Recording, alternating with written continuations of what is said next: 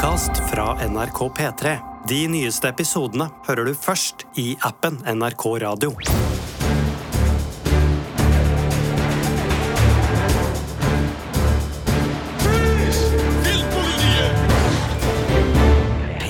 Velkommen til Filmpolitiet med Sigurd Vik og Ingvild Dybfest Dahl. I dag skal det handle om filmer som gir oss mareritt. Og er det en god idé å snakke om det, Ingvild? Det vet jeg ikke, men den fasiten får vi vel i morgen tidlig, da. Spennende netter eh, foran oss her. Men det er altså den norske skrekkfilmen 'Marerittet' som er anledninga til at vi snakker om dette temaet. En film som blant annet handler om demonen som har gitt navnet til Mare. Ritt. Eh, Vi skal avsløre om den filmen lever opp til navnet sitt, og så skal vi komme med tips, eh, eventuelt advarsler, om de filmene som har gitt oss to faktiske mareritt opp igjennom. Så det her kan bli spennende. Det er bare å grue seg. Jeg, jeg kjenner at jeg, jeg, gjør litt det, og jeg skal avsløre allerede. Det er ikke, det, jeg har sett igjen noen av de filmene vi skal snakke om, men jeg torde ikke å se igjen alle. Men det er altså den norske kinofilmen 'Marerittet' vi skal starte med. Betegnelsen mareritt henger sammen med tradisjonelle forestillinger om å bli ridd av en mare.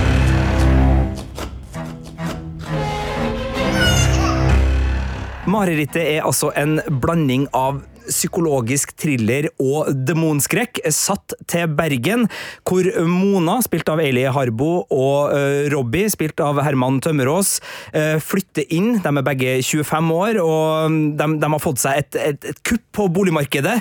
Uh, dødsbo, ikke sant? Det er det, det, det, det vil Høres ha. kjempebra ut. Høres kjempebra ut, eh, som de da skal pusse opp i lag. Og Robbie han har en litt sånn, ja, litt sånn ubestemmelig jobb innenfor finans, tror jeg. Det er litt sånn vanskelig. Han er i hvert fall ikke så veldig mye hjemme, så det faller da på Mona å ta mye av oppussingsjobben her. Og her liker jeg filmen godt, for det er en sånn blanding av husskrekk, fordi her må tapet eh, rives av, og det er lag på lag under tapeten, og det er tydelig at eh, de som har bodd her, eh, de har opplevd skumle ting før. Og så er det da den her marerittsbiten, fordi Mona begynner etter hvert å få sånn søvnparalyse, og det forklares i starten av filmen hva det er, men altså hun blir liggende i en sånn halvvåken tilstand, og så dukker det da opp en krabat i drømmene hennes som ligner veldig på Robbie, en litt sånn forførerisk demon, men det viser seg at det kanskje ikke er Robbie da, eller kanskje det er det. Det her er filmen eh, såkalt åpen for tolkning. Eh, Og så er det også Det er så mye sånn Det er jo litt Rosemary's Baby i den her, det er litt Hitchcock. altså Den, den er veldig god på estetikken, både på lydsida, hvor du har sånn her forråtnelse gjennom eh, fluelyder og litt sånn guffende lyder som, som ligger der og antyder det du ikke nødvendigvis ser på bildet, men samtidig så har du en sånn tilbakeskuende thrillerestetikk som, som er litt sånn kornete, og som i, både i motiv og scener har ganske mye filmreferanser i seg.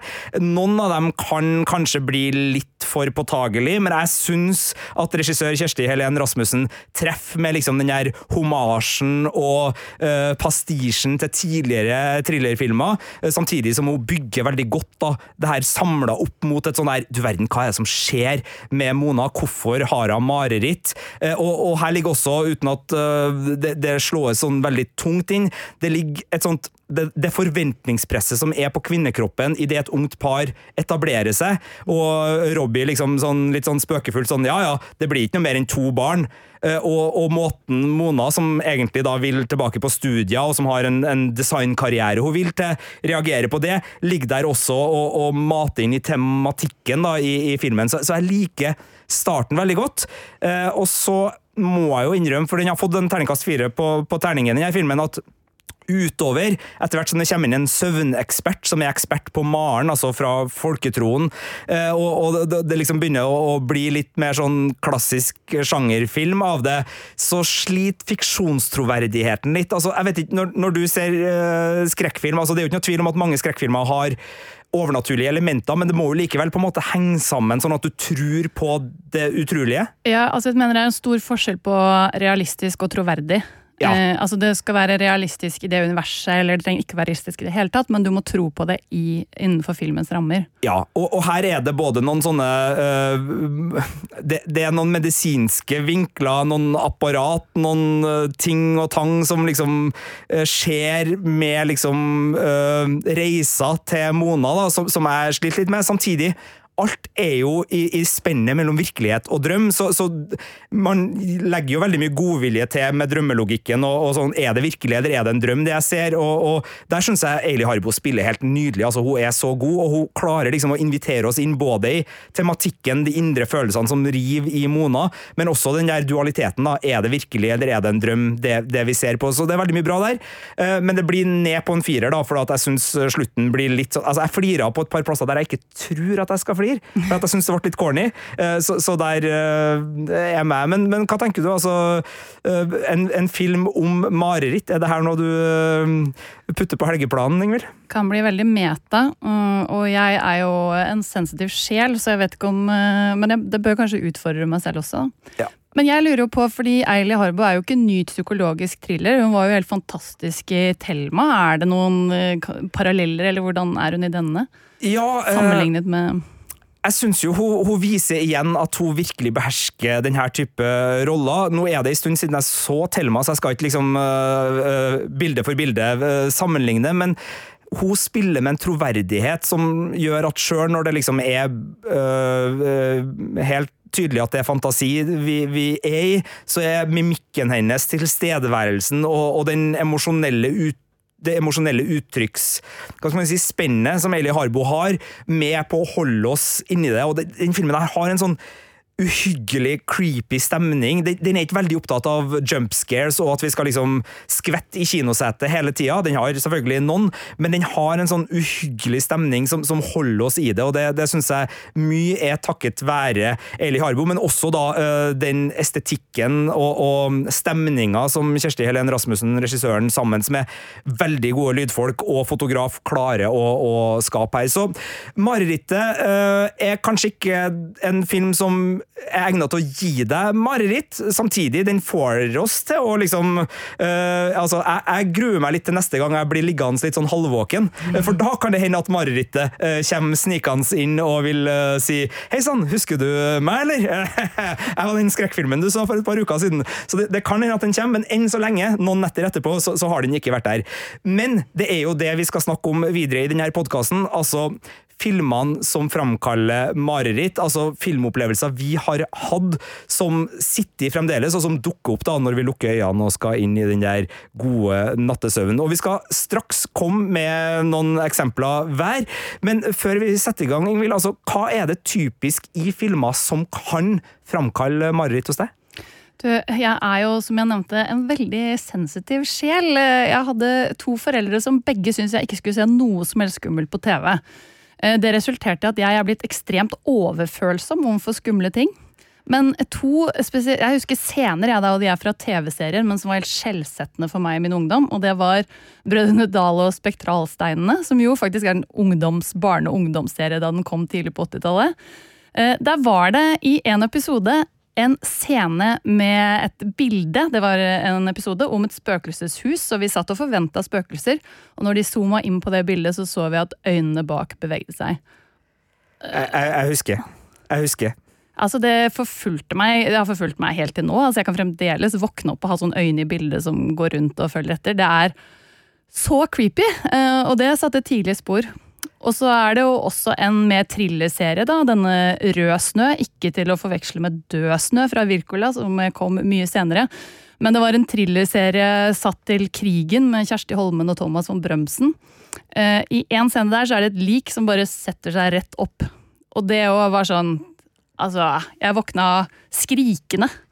Det, ja, sånne ting. Så det er vel nesten jump scares, vil jeg jo si i den sammenheng, da, men jump scares for barn, det gikk tidlig inn på meg. Oh. Ja, eh, altså Vi skal komme tilbake til det med bilder, for det, det, det, er sentralt i en av de filmene jeg har tenkt å, å trekke fram. Men altså, jeg har jo eh, flere ting. altså Av og til så er det ikke skumle ting som fester seg i marerittene mine. altså i eh, skal ikke spoile Ringenes herre-filmene for noen her, men i film nummer to, To tårn, så er det en slagscene hvor de som uh, forsvare en borg er klemt mellom fjellet og fienden, bokstavelig talt. Og de som da er de gamle, eh, og som ikke skal være med, og barna, og de som ikke skal være med og slåss, de sitter da inne i et sånt rom mens slaget foregår utenfor. Og det gjorde så inntrykk på meg, å ha liksom dukka opp i, i marerittene mine. altså Den følelsen av å sitte og liksom vente på utfallet av noe utenfor en vegg, og liksom potensielt blir liksom raid... Altså, Orka er jo uansett ganske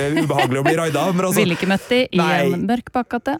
det, det, helst ikke. Men, men, men den har av en eller annen merkelig grunn dukka opp i drømmene mine gang på gang. Men som regel så er det slanger. Altså, jeg har enda ikke sett Snakes on a Plane, for jeg har slangeskrekk, og jeg vil ikke se den filmen. Jeg husker Jungelboken, den Disney-klassikeren, den animerte. Ja, Altså, den slangen allerede da jeg var kid.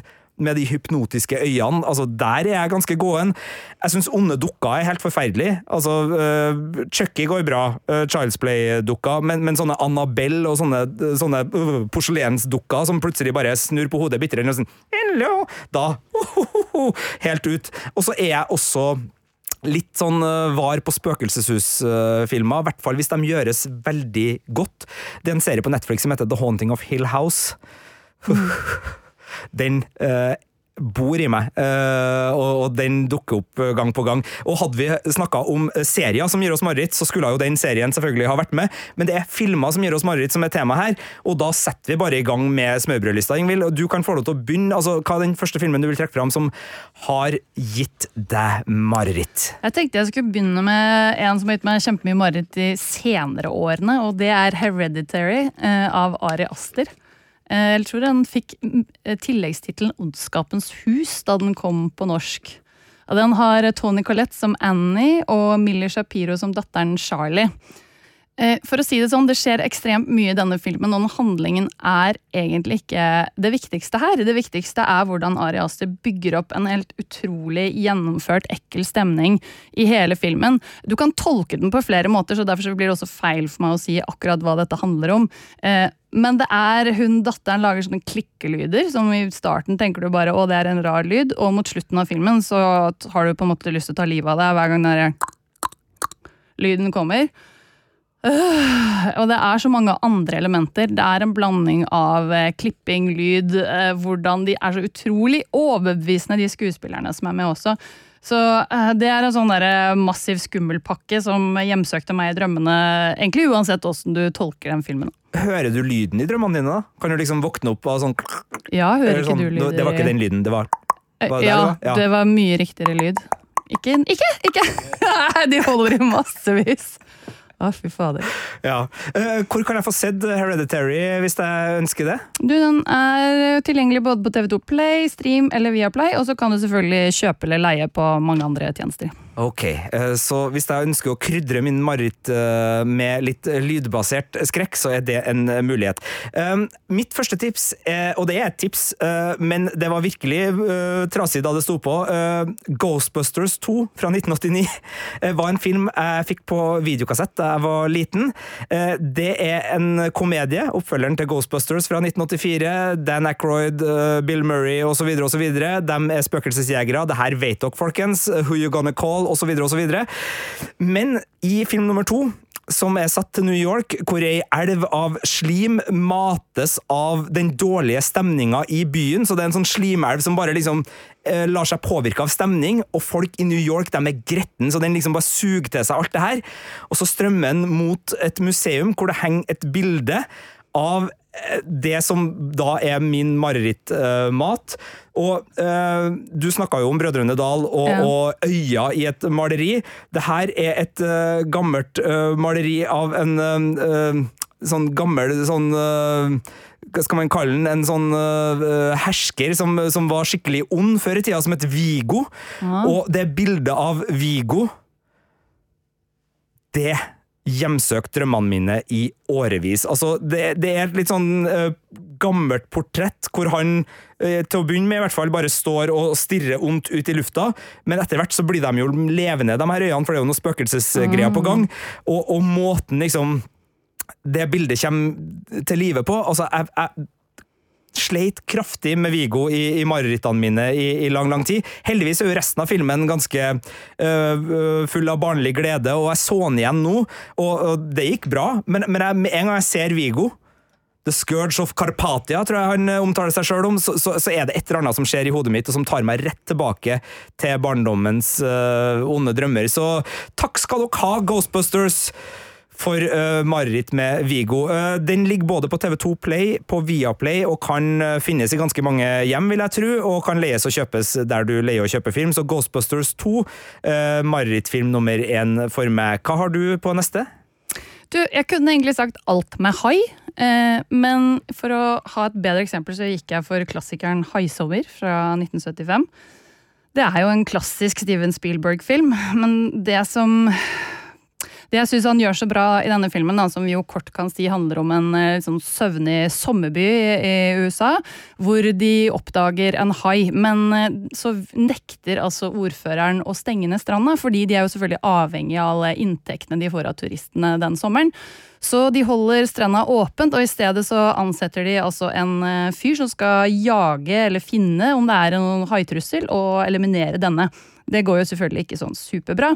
Men noe av grunnen til at det funker så bra, er at dette var jo i 1975, så vidt jeg har lest. Eh, de hadde ikke så mye budsjett. De hadde jo eh, Du ser ikke så mye til den haien, som egentlig er det skumleste. Du ser, du ser jo selvfølgelig tenna, da. Den heter jo tross alt Jaws, så du må jo se kjevene og tenna, og det får du sett. Men ellers så blir det bygd opp så utrolig mye spenning. Og for meg tror jeg det handler om dette kontrasten med det uskyldige, ikke sant? turistlivet og badinga, eh, og at den derre forferdelige haien lurer i dypet. Og jeg kan jo si at jeg til dags dato ikke bader selv i Norge, fordi jeg er altså redd for ikke bare Altså alt fra haier til tang er blitt skummelt, fordi Steven Spielberg har bare ødelagt vannet for meg. Men er det da liksom mareritt på høylys dag uh, mer for deg? Altså at du, du, er faktisk redd for det når du er våken også? Ja, det er faktisk sant. Men jeg drømmer om hai også, altså. Innimellom. Ikke at jeg skal skryte av det. Men haien hjemsøker meg, den svømmer etter meg uansett om jeg er våken eller sover. Ja, og Hadde jeg vært bedre på å imitere lyder, eh, som vi har fått bevist at jeg ikke er så god på allerede Jeg er jo kjempegod på det, Røvi. Det, det er kjempebra. Men altså, det, det musikkbruken i Haisommer er jo blant den beste musikkbruken ja. for å signalisere en fare som ikke er der noensinne. Altså det, det, er jo eh, et stilstudie i effektiv spenningsbygging, og selvfølgelig det fører til skrekk og gru for, for mange. Det er litt Også, som Hitchcock-kniven. Ja, og så er det selvfølgelig fullt mulig for dere som hører på nå å tenke sånn å ja, Ghostbusters og Haisommer, her har vi harde, harde filmkritikere som virkelig uh, står imot. Ja, uh, Birger Vestmo er ikke her i dag, vår kjære kollega. Det er mulig han hadde dratt opp noe litt litt hardere kost fra, fra, hatten. Men hvis man ønsker å utsette seg sjøl for uh, haisommer, uh, hvor er det man kan få sett den? Prime Video, Netflix, Stream, Viaplay, og selvfølgelig kan du kjøpe leie på andre tjenester. Ja, jeg mener å huske at jeg plukka den med meg på en liten sånn shopping spree på en sånn 4K Blu-ray-runde jeg var på her forleden, så jeg tror faktisk jeg har den liggende meget høyoppleselig hjemme, så kanskje det er på tide med et lite gjensyn med den her haien eh, for å se om den også kan dukke opp i mine drømmer. Uh, litt uh, mer sånn klassisk skrekk uh, nå. Uh, for det er jo av og til sånn at vi filmanmeldere allerede på pressevisninga merker at oi, shit. Her kommer det til å bli vanskelig å sove i natt. Og i 2016 så hadde jeg en sånn opplevelse da jeg for og så filmen Lights Out, som er så enkelt som lysbryterskrekk. Altså, det er en enkel demonfilm, for så vidt. Altså, hvor eh, selvfølgelig, hvis du skrur av lyset, så dukker demonen opp. Hvis du har lyset på, så er den ikke der. Eh, noe som er utrolig enkelt å gjøre på film, visuelt sett, fordi den kontrasten kan, kan gjentas og gjentas og gjentas og, og, spilles ut. Og både historie og monster er av den veldig sjangerenkle sorten her, men den kombinerer det intense og, og skremmende Eh, med en sånn bakgrunnshistorie fra en institusjon, selvfølgelig. Da, da blir det jo ekstra hyggelig.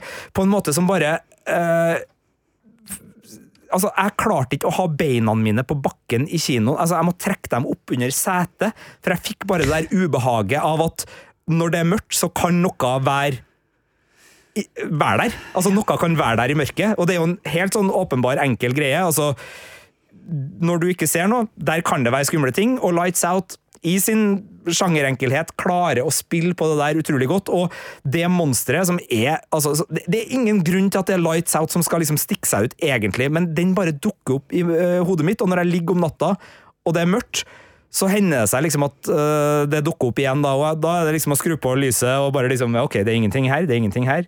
Det vet man jo, men allikevel. Det er ingenting her, det er ingenting her. Skrur av lyset igjen og bare legg deg og sov nå, sikkert. Det, det var ingenting. Det går bra her.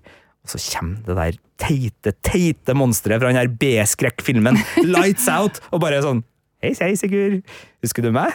Husker du meg? Ja, ja, ja, ja, ja. Fremdeles her. Du kan eh, prøve å skru på lyset, men det må skrus av igjen, og da dukker jeg opp. Så en sånn irriterende marerittskikkelse å ha blitt venn med, skjønner jeg egentlig ikke helt hva det er, fordi det er Filmen er god nok. Altså, den er veldig sånn effekt. Jeg tror den er 80 minutter. Kjempe sånn fin sånn uh, sjangerkveld hvis du skal ha venner på besøk, spise noe pizza, uh, sitte og bare skravle. Se Lights Out. altså Det er en anbefaling. Den fikk bare terningkast fire, for den er ikke fantastisk. Men, men den har altså klart å, å, sneke seg inn som den første skrekkfilmen som vil inn i marerittene mine av den der klassiske monsterskremmeren. Så takk, Lights Out. Uh, ligger på Viaplay og kan kjøpes og leies stort sett overalt. Er da fra 2016, så relativt ny. Uh, den er vel også basert på en kortfilm, tror jeg, av uh, regissøren, så, så, det er mulig at det, man kan dykke dypere ned i Lights Out-universet. Dykk kortere ned. Dykk kortere ned i, i kortfilm. ja, mm, det er sant. Neste film ut fra deg, din siste. Hvor skal vi da? Du, eh, nok en gang så vil jeg tenke alt med raske zombier. Mm. Eh, så det er flere der, men eh, den blir jo kreditert til 28 dager senere Nei, jo, 28 Days Later fra 2002. Som den som starta den nye, moderne, raske zombiebølga. Fordi jeg var blitt ganske hva skal vi si, fornøyd med å se zombier à la George Romero, som jo er kjempecreepy og ekle og dødelige, men du kan løpe unna de. Og det var liksom min redning, også i drømmene, at jeg kunne løpe unna, med mindre du vet beina dine havner i tjære. Ja. Uh, den drømmen. Det ja. er jo ikke godt kombo med Spinne på is. Så, jeg orker ja. ikke gå Nei. inn på det.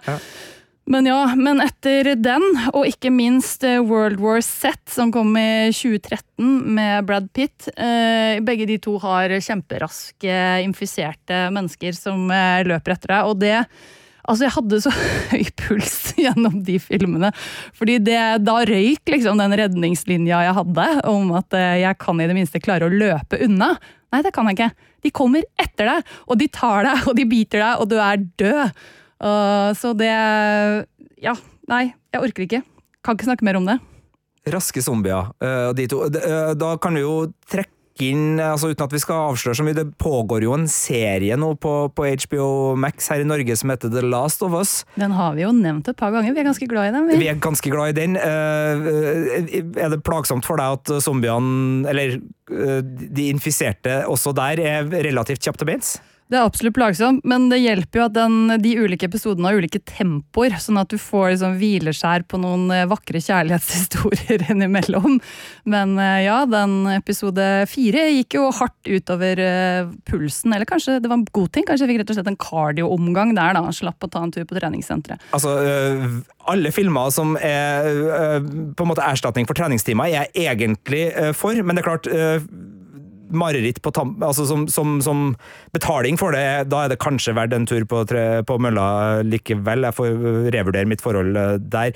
Du må nesten velge én av filmene, tenker jeg. Eh, det er litt fake å, å ta både 20 ja, Days, du, Days Later har, og World War C. Beklager, ja. jeg glemte at jeg hadde konkludert, eh, og det er at jeg tar World War Z fordi den også har med en av mine andre primalskrekk, flykrasj. Okay. Så den har både raske zombier og flykrasj, og det er på en måte Da får du to for én, noe du ikke vil ha i marerittland, men eh, jeg har altså fått det. Det høres eh, aldeles forferdelig ut. Eh, hvor kan man få sett World War Z nå om dagen? Den nå litt utdaterte World War Z får du altså både på stream og Viaplay, og kan kjøpe eller leie på type iTunes og Google og masse andre steder på nettet jeg, jeg, merker jo nå, uten at det her skal bli en uh, merkevareoppdatert uh, opptatt uh, podkastepisode uh, Viaplay har mye marerittfilmer uh, så langt. Jeg tror de leder an på, på den fronten, så takk, Viaplay.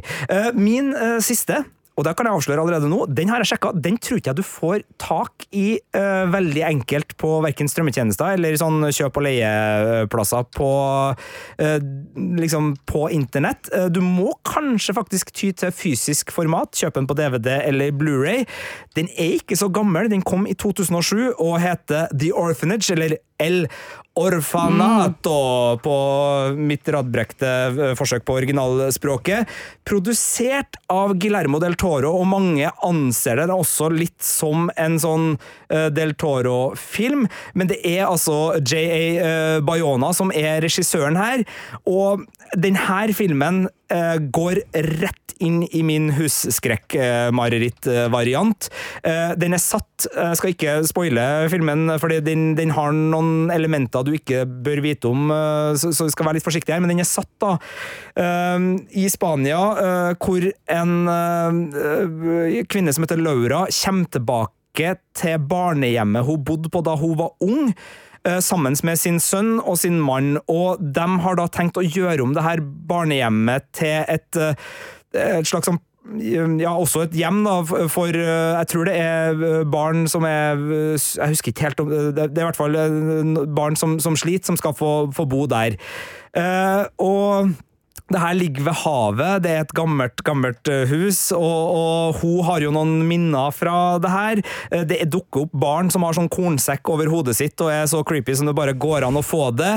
Og øh, det spiller veldig på liksom husets hemmeligheter, eller det er nesten et slott, altså det her barnehjemsgreia. Så, så den, den, går rett inn i den her guffende her kan det ha skjedd fæle ting. Her har huset noen hemmeligheter. Her er det noen opplevelser, noen traumer.